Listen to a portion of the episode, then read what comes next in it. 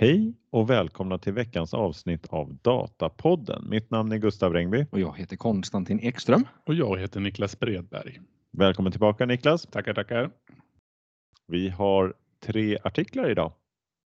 Vilken nyhet! Mm. Och jag tänkte att vi kör igång på en gång. Ja, Mm. Precis inte, som jag vill inte vanligt. prata mer. Jag börjar. Rubriken är Länsförsäkringar skapar mer tid för kunderna med LFGPT. Det här är från eh, Microsofts hemsida pulse.microsoft.com. Som lägger upp eh, lite så här blogginlägg med olika kundcase där. Eh, ja, så vi går in här och tittar lite vad som händer. Det finns inget datum. Jag tror att den här är ganska ny i alla fall. Den, jag tror den har precis dykt upp, men de har inget publiceringsdatum på den som jag kan hitta. Eh, Länsförsäkringar, det, aha, ja, de har ju en 200-årig eh, historik att erbjuda bank och försäkringstjänster för privatpersoner, företag och lantbrukare. Jag tror att de flesta känner nog till det här eh, bolaget. Har nog hört eh, talas om det i alla fall. Med nästan halva Sveriges befolkning som kunder är det en resurskrävande uppgift. Och för att frigöra tid för det personliga mötet måste processer automatiseras och tillgången till information förenklas, säger de. En uppgift väl lämpad för AI. Så under hösten 2023 då, så har LF tillsammans med Microsoft rullat ut en Copilot som de kallar då LF eh, GPT till alla 8500 anställda. Och vi har ett citat här från Fredrik Lidman som är tillförordnad CDO på Länsförsäkringar. Jag vet inte om det är Chief Data Officer eller Chief, eh, Digital Officer. Något, något av det.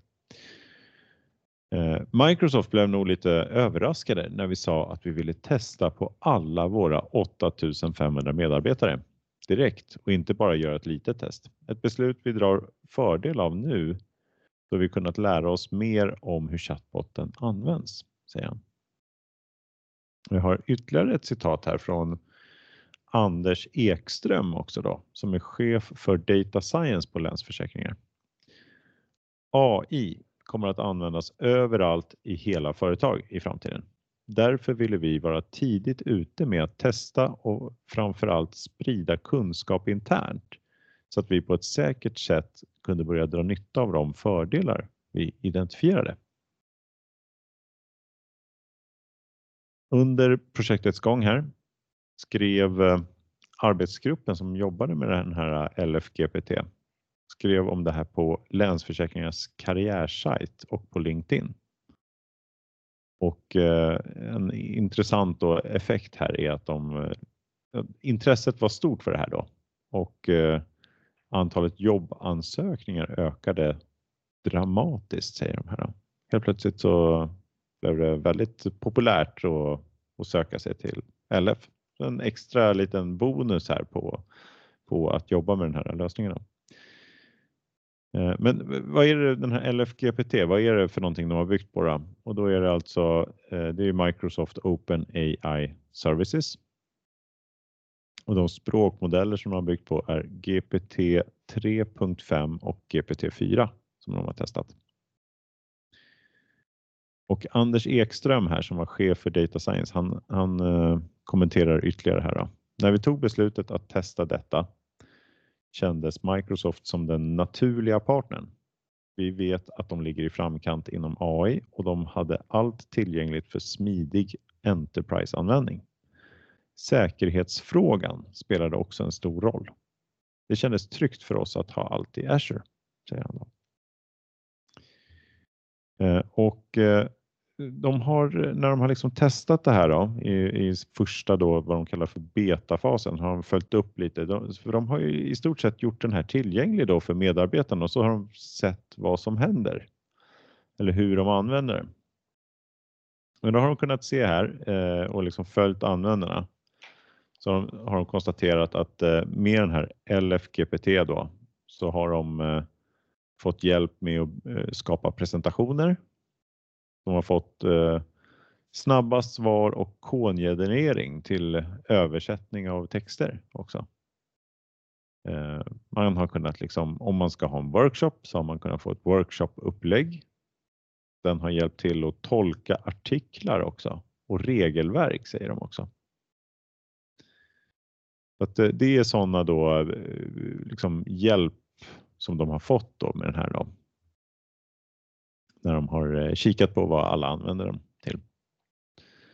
Anders Eriksson då, eh, han eh, fortsätter här. På medarbetarsidan kommer AI och utvecklingen av LFGPT förstärka oss. Det kommer ge våra medarbetare bättre förutsättningar att göra ett bra jobb. AI kommer frigöra tid som vi kan använda i den för oss så viktiga mänskliga kontakten i kundmötet, säger han. Och Fredrik fortsätter här nu. När vi nu utvärderat första steget blev jag själv överraskad över hur mycket jag kommit att använda chattklienten. Den fungerar som en smart kollega som alltid är tillgänglig för frågor och som jag kan ge uppgifter åt.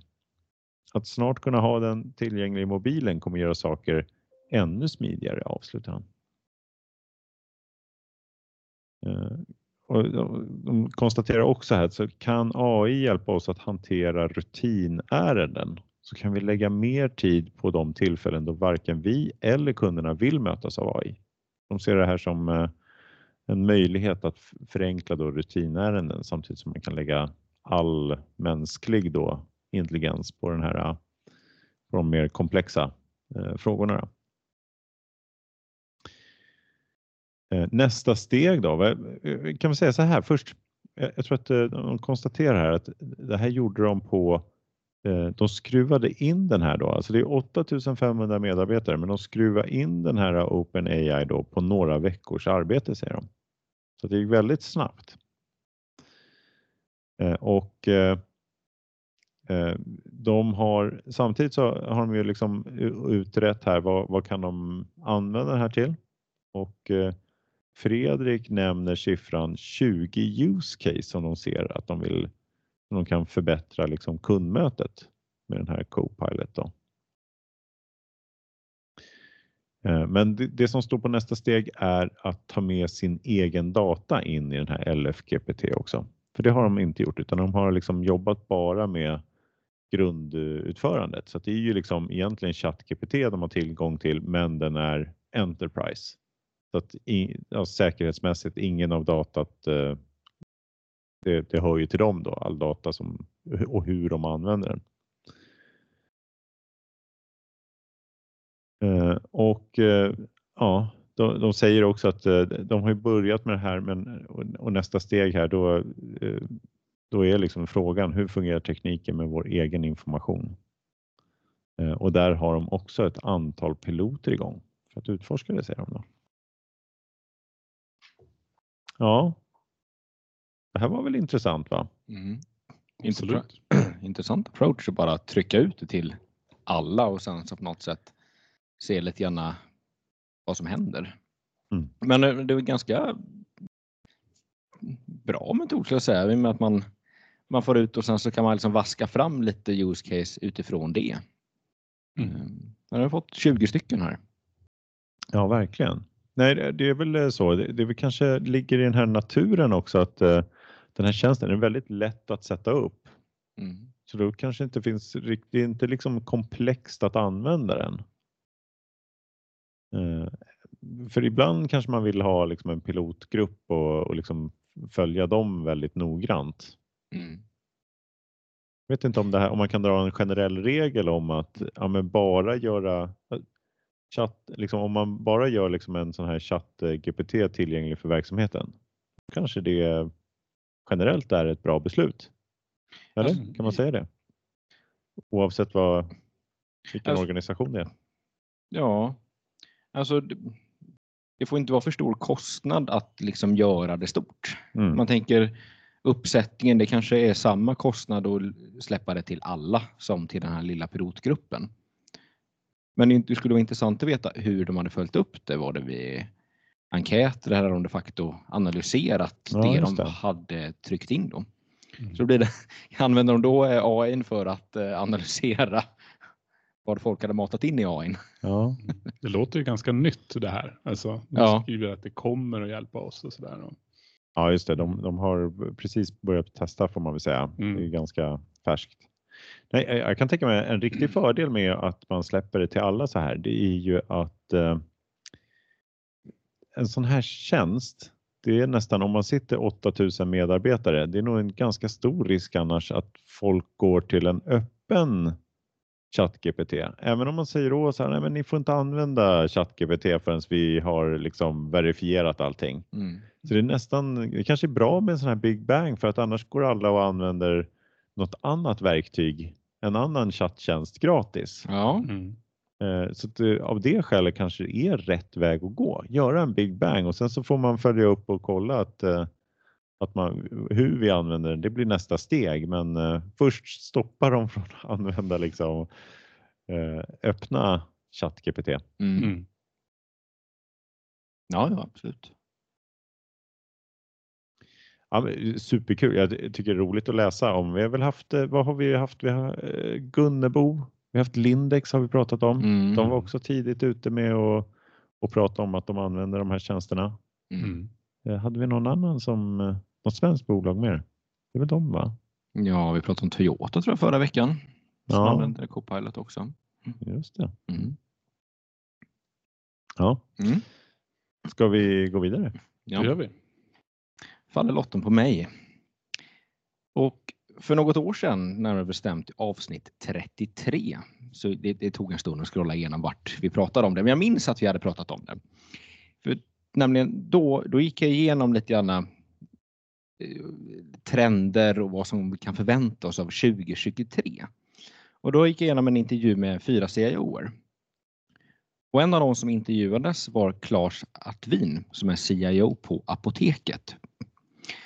Och på frågan om prioriteringar under 2023 så svarar han att de eh, skulle sikta på att färdigställa ett par rejäla hjärt och lungbyten som innebär att rulla ut ett helt nytt receptexpedieringssystem, det var ett långt ord, till alla 400 apotek och till e-handeln.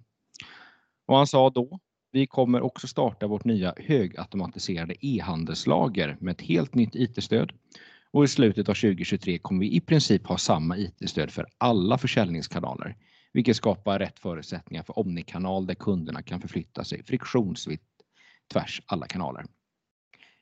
Så man är lite nyfiken då hur det har gått då. Och så publiceras här nu en artikel med Claes med titeln Apoteket har bytt nästan allt. Den digitala kunden i fokus. Redan i ingressen säger de att alla stora system har bytts ut och ett nytt logistikcentrum har byggts upp i det som apoteket kallar attackplan e-handel. Låter fräsigt. Nu ligger fokus på cybersäkerhet, dataanalys och generativ AI. Vi har gjort hjärt och lungbytet. Nu är det mer som att byta njure, säger Claes. Det finns ingen, inget stopp på, på, på liknelserna här. Men under pandemin när e-handeln tog fart så stod det snabbt klart att apoteket hade mycket att göra för att anpassa sig till den nya verkligheten. Och mycket av det som har gjorts har eh, tjänat till att ta itu med teknisk skuld genom de gamla system som varit kvar sedan avregleringen 2010. Och de senaste tre åren har apoteket hunnit med att byta kassasystem i sina 400 butiker, byta expedieringssystem Eh, som farmaceuterna använder så att det är samma e-handel och butik. Likaså har affärssystemen också bytt ut så att det är samma för både de fysiska och digitala kanalerna. Dessutom har man tagit hem e-handeln i egen regi. Det låter som att man har gjort om hela bolaget här när man tittar på det hela. Eh, men ett resultat av allt det här då, det är att de har ökat volymen på e-handeln med 40% under 2023 och kvalar därmed in som Sveriges fjärde största e-handlare med försäljning på 2,6 miljarder kronor. Jag försökte googla upp vilken är den största. Men detta var väl då någon form av omsättning på e-handeln, men det var, fanns alla möjliga mätningar så att jag lyckas faktiskt inte få till det. Någon skrev att Boost var bland de största. Mhm. Vet inte. Um, får fortsätta googla eller fråga någon ChatGPT eller något om det. Ja, man kanske kan gissa på H&M eller något sånt. Ja, kanske. Kanske. Ja. Men det, Fast inte inom eh, liksom vårdartiklar va? Eller, nej, nej, Jaha. nej, nej. eller, ja, nej, det var väl e-handlare totalt sett? va? totalt. Ja. Mm. Där det står fjärde största. Eh, Ja. ja, det är ju coolt. Ja. Och det är ju tveklöst stora projekt det här. Och Claes då som är den första CIOn att sitta i ledningen säg, på just apoteket då, säger att halva jobbet har gått till att kommunicera och förenkla för att höja kunskapen inom IT och tech. Likaså har de lärt sig att på förhand vara noga med att göra en bedömning av storlekarna på projekten. Och där har de valt att använda t-shirt sizes, så small, medium, large, extra large. Och det blir då alltså en hjälp i prioriteringarna och utformningen av själva projektportföljen då, så att man har en, en god mix. En annan viktig erfarenhet som man tar upp här är hur viktigt det är att få med verksamheten. 50% av ansvaret, säger han, för en lyckad digital transformation, den ligger på IT-avdelningen. Men den andra 50 procenten, de ligger på verksamheten. Nyckelpersoner måste stå till förfogande för att ställa krav, testa och det måste frigöras tid ut i verksamheten. Och ett exempel är expedieringssystemet som de nyligen rullade ut i farmaceuterna som krävde ett helt nytt arbetssätt då än vad de haft tidigare. Och i det här fallet så valde man att låta 40 personer av dem som jobbade här eh, utbilda och liksom vara med i arbetet och då utbilda de andra 2000 personerna. Men som vi sa lite inledningsvis här så en viktig del av arbetet framåt det är cybersäkerheterna, eh, cybersäkerheten där attackerna ökar stadigt. Han- Han säger här att IT-säkerhet har alltid varit viktigt men att något ändå hände för runt fem år sedan och framförallt de senaste två åren sedan Ukrainakriget bröt ut. Ehm, han säger att sedan dess har egentligen hoten ökat exponent, exponentiellt och därav är också en, är det en stående punkt på ledningsgruppsmöten. Och för att testa förmågor och träna så har ledning och styrelse också övat på cyberattacker genom simuleringar och rollspel. Då ser jag genast framför mig ett helt styrelserum med folk har lite hattar och glasögon och lösnäsa på sig men det, det kanske bara är min fantasi. Slår tärningar och Ja, risk. Mm. och tittar man in i framtiden här så är ju såklart AI på tapeten. Ett eh, AI-team med personer från IT-avdelningen, jurister, informationssäkerhetsexperter och eh, från affärsutveckling finns med. Eh, då har, har då utformat och testat olika användningsfall. Och det handlar om sådant som man ser om generativ AI kan användas för att skapa texter till produkter i det stora e-handelssortimentet som sedan kan kvalitetssäkras. Har man väldigt, väldigt, väldigt många artiklar, vilket jag kan tänka mig att de har, så ska man hålla varenda artikel text uppdaterad eh, med rätt information så då, då kan det bli mycket eller bara handla om det är en översättning. Du får, du köper in massa läkemedel från Tyskland, det, det finns bara på tyska. Det är en svensk e-handel så att det måste vara svenska så att där kan det ju finnas enorma besparingar kan man tänka sig. Mm. Och man tittar också då på att använda eh, AI internt då, till exempel på helpdesken för att automatisera vissa delar där. Men ett annat fokus är också att bli mer datadrivna och eh, använda all den data man nu sitter på. Och där ser apoteket över sitt IT-stöd för prisoptimering. Med hjälp av dataanalys ska man kunna hitta rätt prissättning och optimera inköp och sortiment. Också kundanalyser är intressanta. Claes säger här att de har 3,5 miljoner medlemmar i kundklubben. Det är ganska mycket.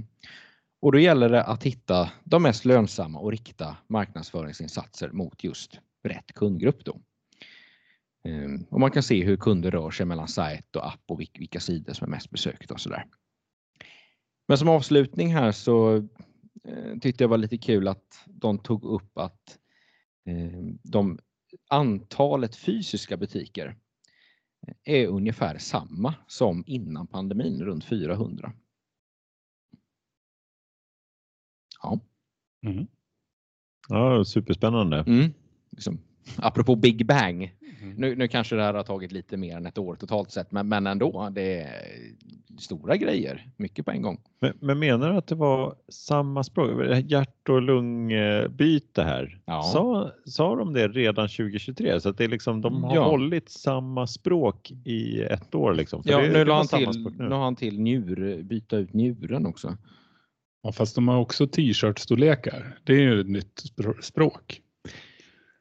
Ja, men det, det tror jag inte de ens sa i den förra. Men, det, det, men just det där äh, hjärt och, och lungor, det, Mm. var, men det är lite roligt. De håller sig, de måste ju nästan äh, vara så att de pratar om det också som Mm. så äh, liksom under ett helt år här Mm. internt liksom. Mm. Ja, vi ska göra en hjärt...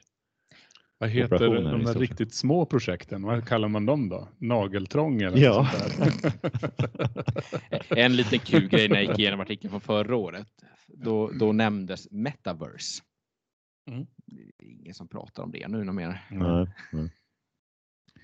Jag, jag tycker det var, vi hade ett annat avsnitt här bara för några, några veckor sedan där vi pratade om att eh, den här nya titeln, jag tror det var Randy Bean som tog upp det här, att man behöver en super tech lead Mm.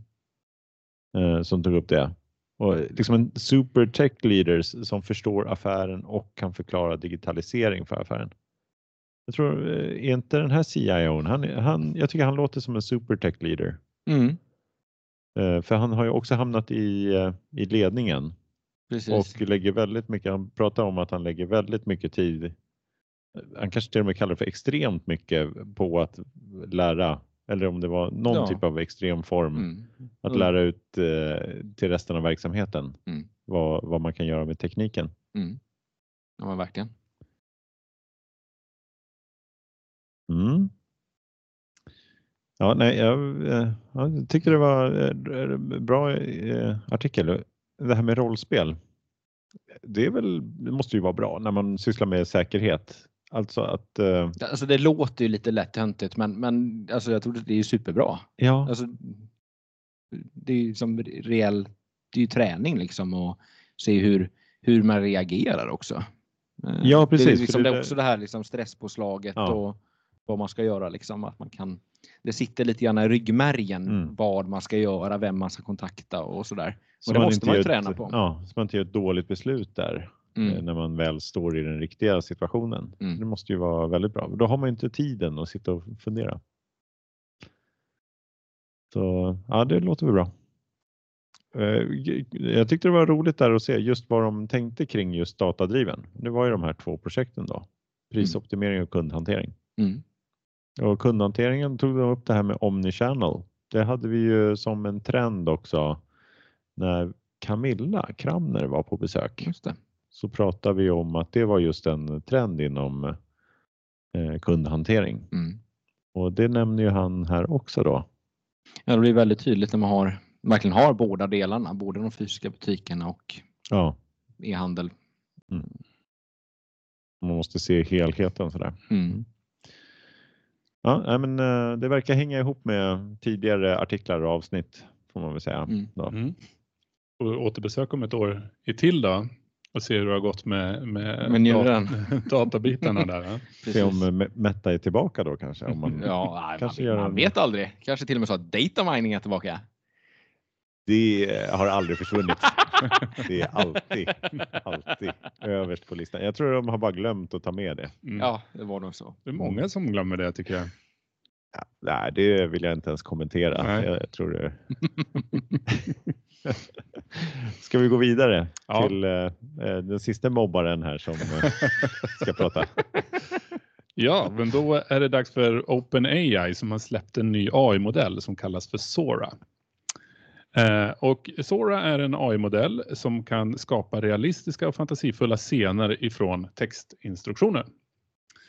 Eh, jag hittade den här på OpenAIs eh, webb, openai.com Sora, så hittar man det. Men jag tror att den finns återgiven i en massa olika medier. Då. Eh, men de lär alltså en AI att förstå och simulera den fysiska världen i rörelse. Då. Så det är helt enkelt en text till videomodell. Då. Eh, och Sora kan generera videos som är upp till en minut långa samtidigt som den behåller visuell kvalitet och följer användarens uppmaning. Då.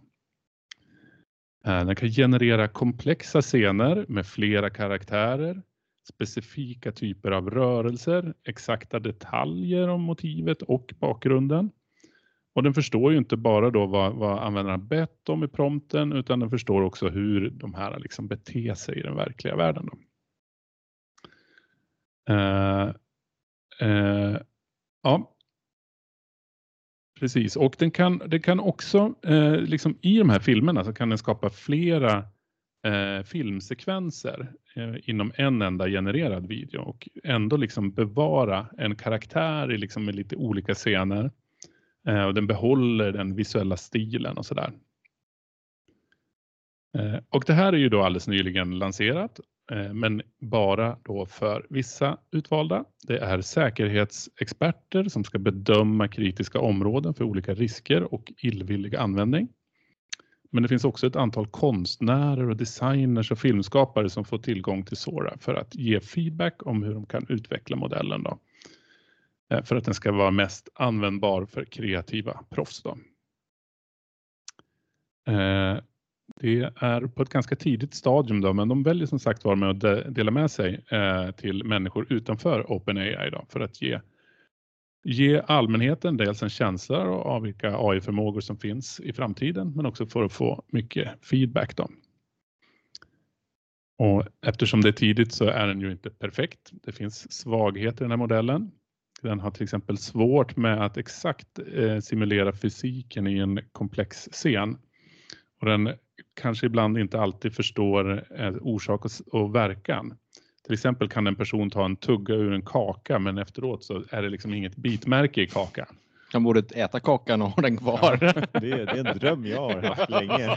Faktiskt, det var kanske det de promptar. Eh, den har ibland lite problem med så här rumsliga detaljer också. Den kan blanda ihop vänster och höger. Det kanske inte är en detalj i så här verkliga världen. Men Eh, och den kan ha lite problem med exakta beskrivningar av händelser som eh, äger rum över en lite längre tid. Som till exempel att följa en specifik kamerabana och sådär.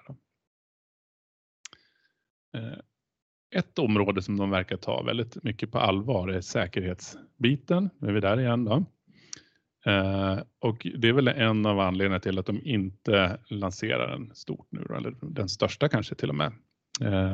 Och det är också därför man, man släpper den då till, till säkerhetsexperter. Man vill ju undvika desinformation, hatiskt innehåll och bias. Eh, man, man, kan verkligen annars tänka sig att det här vore perfekt för att göra så här deep fakes. Men någon känd person som säger något galet eller någonting.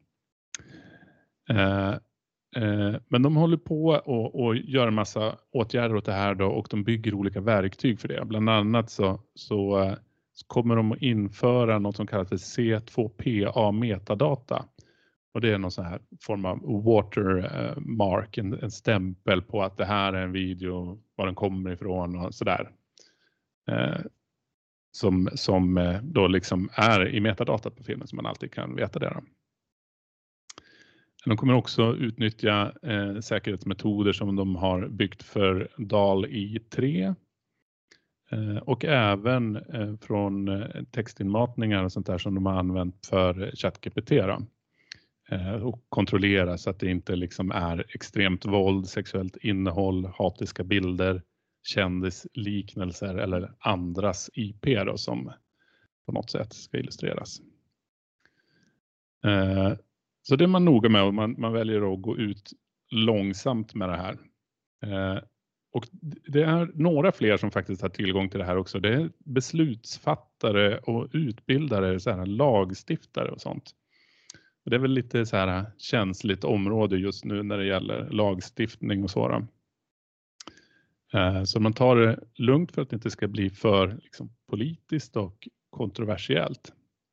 Och då har man väl sett lite grann att det kan det ju vara även internt på OpenAI att eh, huruvida man ska vara kon, eh, konservativ när man går ut med sånt här eller om man ska vara lite mer liberal. Det var väl något sånt tror jag det ryktades om i alla fall som låg bakom den här Sam Altman skandalen. Mm. Eh, så de verkar väldigt noga med det. Då. Eh, men den här Sora då, det här kallas för en diffusionsmodell som genererar en video genom att börja med en video som ser bara ut som statiskt brus och sen gradvis omvandla den här eh, till video genom att ta bort bruset i, i eh, många steg. Då. Sora kan generera hela videos på en gång eller så gör man en liten snutt och sen så utökar man den videon vidare sedan då, för att göra den längre. Eh, genom att ge modellen förutseende av hur många bildrutor åt gången eh, eh, så har de löst ett utmanande problem med att se, att se till att motiv förblir detsamma även när det tillfället försvinner. Till exempel om någonting går ut ur bild så ska det kunna komma in igen och det ska ändå se likadant ut. Sådär. Ja, just det. Liksom skådisen har blivit bytt på något sätt. Precis. Och liksom en av förutsättningarna för det här är att man har en eh, modell som kallas för en transformer-arkitektur. En transformer-modell och det är egentligen ett neuralt nätverk som lär sig sammanhang och därmed mening genom att spåra relationer i sekventiell data. I ChatGPT är ju det ordsekvenser liksom, som hänger ihop och har samband. Liksom. Men i det här fallet är det samma eh, vad heter det, arkitektur men det är bilder istället då som, som behandlas på ett liknande sätt. Eh, och förutom att, att man kan göra det här text till video så kan man också eh, ge en bild, en stillbild som eh, input till den här modellen och så kan man be den animera den bilden på något sätt. Då. Så det finns andra, andra sätt, eh, ja, stillbild till video men också video till längre video och sådär. Eh, som slutkläm då så beskriver de det här som att Sora fungerar som en grund för modeller som kan förstå och simulera den verkliga världen. En förmåga som vi tror kommer vara en viktig milstolpe för att uppnå AGI, då. generell AI. Ja, det var själva artikeln då. Och i den här artikeln då så finns det också en massa videosnuttar som de har genererat. En del bra, en del mindre bra. De, de, de har också bjussat på dem som är lite misslyckade sådär. Men säkert sett dem komma i sociala medier och sådär. Mm. Har, har ni varit inne och kikat på några filmer? Ja, ja visst. Absolut, absolut. Det, det är ju supercoolt. Det mm. Alla bör, eh, om ni inte har sett det in, innan kära lyssnare, så bör du gå in och kika. Det är ju mm. supercoola videos som ligger på den här sidan. Mm. Helt skapade ur liksom små kost, eh, korta textmeddelanden till, till en dator. Ja. Har ni några favoritfilmer därifrån? Alltså en som jag gillade väldigt mycket det var den Historical footage of California during the Gold Rush. Ja. Alltså bara gå tillbaka i tiden och se liksom man hoppas ju på att det liksom, den har utgått från riktiga bilder så att det ger liksom en eh, känsla av det. Men, men det är ju otroligt häftigt. Man tänker på om man, om man har tänkt att det här hade varit en Hollywoodproduktion. Mm. Liksom bygga upp miljön, mycket folk. Det var liksom mycket mm. folk och det var hästar som sprang och grejer. Bara bygga upp det där. Ja. Eh, om man sätter det i relation så liksom, då är det ju superhäftigt. Ja. Sen var det ju någon lite kaniner eller något som hoppar runt och di i disco eller något sånt där. eh, men jag tycker nästan det häftigaste var när det var här, inte animerat för då, då känns det på något sätt mer det blir mer abstrakt i huvudet att det är något annat som har skapat det hela. Ja. Ehm, så.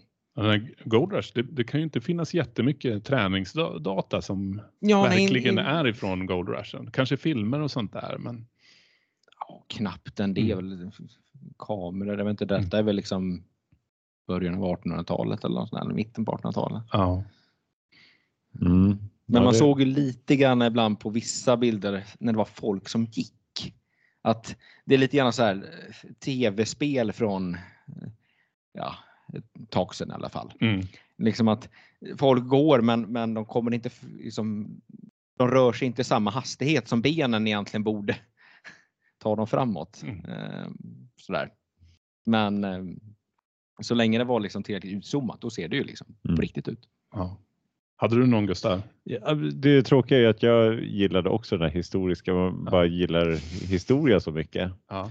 Men, men, en annan, så det, det, var ju min favorit också, tyvärr.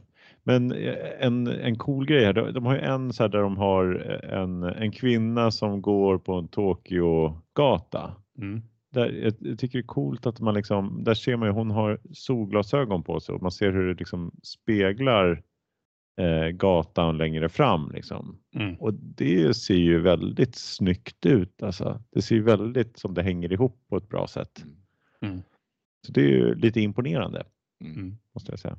Och vissa var ju väldigt detaljrika också. När de hade, det, var kanske, det var inte så mycket rörelse på dem.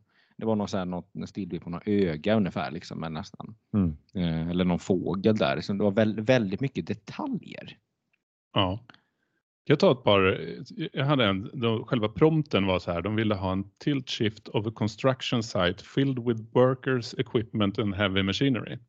Det var en så här väldigt, det hände jättemycket på den där. Det var rör som låg utspridda och det var gubbar som gick omkring och maskiner som höll på och så. Och, en, och det var väldigt imponerande, liksom detaljrikedomen tycker jag. Sen var det en gaffeltruck som saknade gafflar och, eh, och så åkte han i, typ i sidled. Så det... ja. Jag tycker det låter precis som en arbets... Ja, det kan det vara. Man går in och är här hönsgård. Ja, jag, jag, tyckte en var ganska så här, talande på, för hur de liksom, det här var en, det där var ju en väldigt kort prompt kan man ju säga, men mm. den här var lite tvärtom, en väldigt lång prompt men en väldigt enkel scen. Men men eh, den var ändå väldigt talande på, på vilken förmåga den har. Då. Då, då är prompten så här då. An extreme close-up of a grey-haired man with a beard in his 60s. He's deep in thought, pondering the history of the universe as he sits in a cafe in Paris. His eyes focus on people off screen as they walk as he sits mostly motionless. He's dressed in a wool coat suit uh, with a button-down shirt. He wears a brown beret and glasses and has a very professional appearance. At the end, he offers a subtle, closed-mouth smile as if he found the answer of the mystery of life. The light, the lightning, the lighting is very cinematic, with the golden light and the Parisian streets and a city, uh, and uh, Parisian street and city in the background. Depth of Field Cinematic 35 mm film. Och så, alltså, det blev en ganska enkel filmsnutt på en gubbe som satt där, men, mm. men fångade verkligen känslan, liksom. känslan och nyanserna som mm. den förväntas ha. Mm. Det var, tyckte jag var otroligt. Mm. Och allting började med ett statiskt brus. Mm. Ja, ja, precis. Det känns som liksom, livet i sig började som ett statiskt brus och sen så fylls det på. Liksom. Man får ju känslan då att så här, i, i, framtiden här så kommer eh, filmer, det kommer skådisarna, det är liksom, man tar ett foto på dem i början. Så, ja men mm. du ska bli den här personen. Mm. Då fotar man en gång och sen så beskriver man bara, sätt in den här personen i den här scenen behöver du inget mer än det där fotot i början. Nej, men då kanske mm. vi kan ha liksom skådespelare som lever för alltid. Bara, vi kan ta tillbaka gamla skådespelare som man tyckte var bra. Ja, ja det är sant. Charlie Chaplin, Chaplin gör entré igen då kanske? Precis. Eller var det, var det han du tänkte på Konstantin? Eller? Ja, alltså det finns många man skulle ja. kunna dra tillbaka. Edvard Persson. Edvard Persson. Ja, men det finns mycket. Det är allt från piratskepp som krigar i en kaffekopp. Det. Eh, det var en, det var arkeologer som skulle liksom eh, upptäcka en, en helt vanlig sån plaststol som man kan ha på utanför en husvagn eller någonting i, i, en, i en, eh, en öken. Och de grävde fram den här plaststolen med stor försiktighet. Men sen började den sväva i luften den här plaststolen och den ändrade form helt och hållet och blev någonting annat. Men det var intentional? Alltså det var... nej, det var ett, ett fel. Alltså, det var ett fel. Ja, okay, okay, prompten okay. var bara att den skulle hitta den. Och, ja. mm. Mm. Magic chair. Mm. Men det här måste ju vara väldigt prestandakrävande va? Det tror jag. Ja. Om man tänker liksom generera en bild med hjälp av AI. Ja. Jag tänker, blir det inte, är det inte egentligen samma lite samma sak fast ni genererar många, många bilder ja. och liksom mm. spelar upp dem i en sekvens. Ja. Man kan ju styra kvalitet, alltså upplösning och sådana här saker också. Så att, och vissa av dem är ju väldigt högupplösta de här filmerna. Mm. Så kan man konstatera att Nvidia sitter här och bara myser nu? Ja, mm. det tror Vad jag. tror ni? Mm. Gnuggar händerna. Mm. Och pyroteknikerna som vars liv är att spränga saker på film. Mm. De får ta en whisky ikväll. Ja, det måste vara många. Filmindustrin och väldigt många kreativa yrken. Jo, som, men jag tänker framförallt på pyroteknikerna. Du tänker mest på dem? Mest ja. på dem. ja, det, det, ja det, och det är de här kreativa människorna som ska testa det nu också. Får vi se om de kommer, de kommer hitta väldigt mycket fel. Ja. Precis. Nej, men vi, vi pratade här lite förut eh, kundhantering. Eh, där har man ju haft liksom eh, på hemsidan har man en chatbot. Känns som det kommer bli en videobot här strax. Mm. Ja, och anpassningar att man liksom tar in beroende på vad man har tittat på eller vilken kanal man har så har man liksom personaliserad video ja. när man kommer in direkt. Kundservice, liksom du, du har en i kundservice som du sen fotar och gör 20 videobots av. Jaha, du tänkte så långt. Jag tänkte bara så enkelt som att en instruktionsvideo. Jag vill veta hur jag laddar ner den här mm. filen. Det bara, du har lite foto av hemsidan, har tillgång till hemsidan och sen så bara kommer det upp en video med pi-tryck här, zooma in där, markera, alltså bara sån här mm. in, ren och skär instruktionsvideo som är helt customized för just det du vill hitta. Mm. Det tror jag faktiskt skulle vara riktigt bra. Jag kom på nu. Mm. Ja. Så här gör du ett hjärtbyte till exempel. Då har vi sytt ihop alla tre artiklarna. Ja, just det. Mm. Ja, det är snyggt. Bra. Och video över hur man gör ERP-byte, det vill jag nästan se hellre. det blir ännu mer komplext då, tror jag. Ja. ja.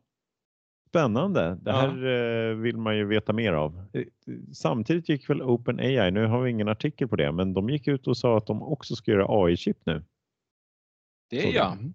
Mm. Så att uh, Nvidia Kanske får i alla fall lite konkurrens. Det är både Microsoft ska ju göra det. Mm. AVS Amazon. gör det. Eller AVS, ja, Amazon gör det. Google. Google också va? De gör det också, de? ja kanske. Mm. Ja, alla vill in i det där. Mm. Men uh, den som lever får se ja. nästa vecka vilka nyheter som kommer då. Mm. Tack för idag. Tack så mycket. Tack, tack. Hej då. Hej då. Hej.